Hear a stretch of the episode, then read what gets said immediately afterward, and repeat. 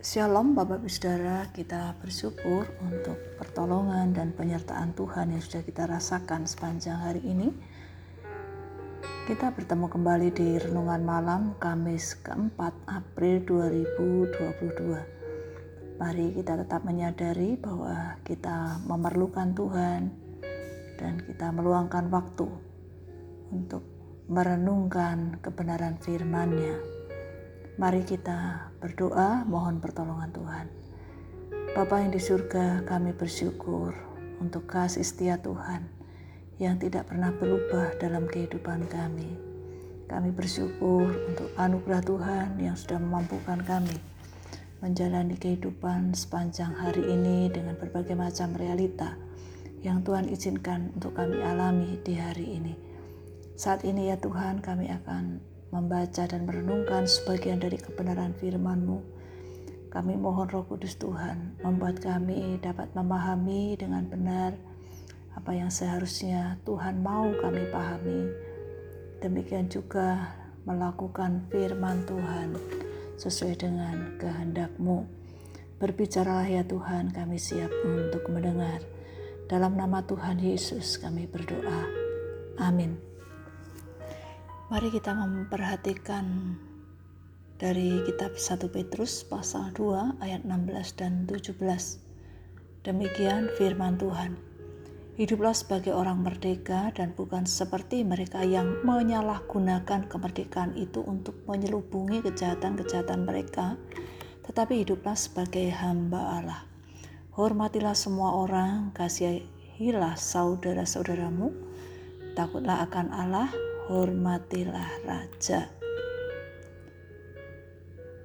Kata merdeka artinya dibebaskan, memiliki hak atas kebebasan. Namun bukan berarti karena kita sudah dibebaskan dapat menggunakan kebebasan untuk berbuat dosa dan merasa tidak masalah berbuat dosa. Saat itu orang-orang Yahudi menganggap kebebasan sebagai hak istimewa. Kebebasan juga merupakan berkat Allah yang tidak ternilai. Di mana setiap orang percaya, setiap umat Tuhan dibebaskan dari dosa dan penghukuman. Allah yang membebaskan juga menghendaki agar tidak menjadikan kebebasan itu untuk melakukan kejahatan, berbuat dosa dalam bentuk apa pun. Tetapi Rasul Petrus mengingatkan, hiduplah sebagai hamba Allah. Hal ini menunjukkan bahwa kita sebagai orang-orang yang sudah dibebaskan itu terikat untuk mentaati Allah. Memiliki kewajiban untuk mentaati apa yang Tuhan perintahkan. Seperti seorang hamba atau budak itu terikat dengan aturan-aturan yang diberikan oleh majikan atau tuannya kita pun juga sebagai hamba-hamba Allah, umat pilihan Allah yang sudah ditebus oleh Allah, juga terikat dengan aturan-aturan atau perintah-perintah atau hukum-hukum Allah. Kita sebagai anak-anak Tuhan patutlah bersyukur telah dibebaskan dari hukuman dosa namun satu hal yang perlu kita pahami dan sadari, marilah kita menggunakan kebebasan itu dengan benar untuk melaksanakan perintahnya, bukan karena terpaksa,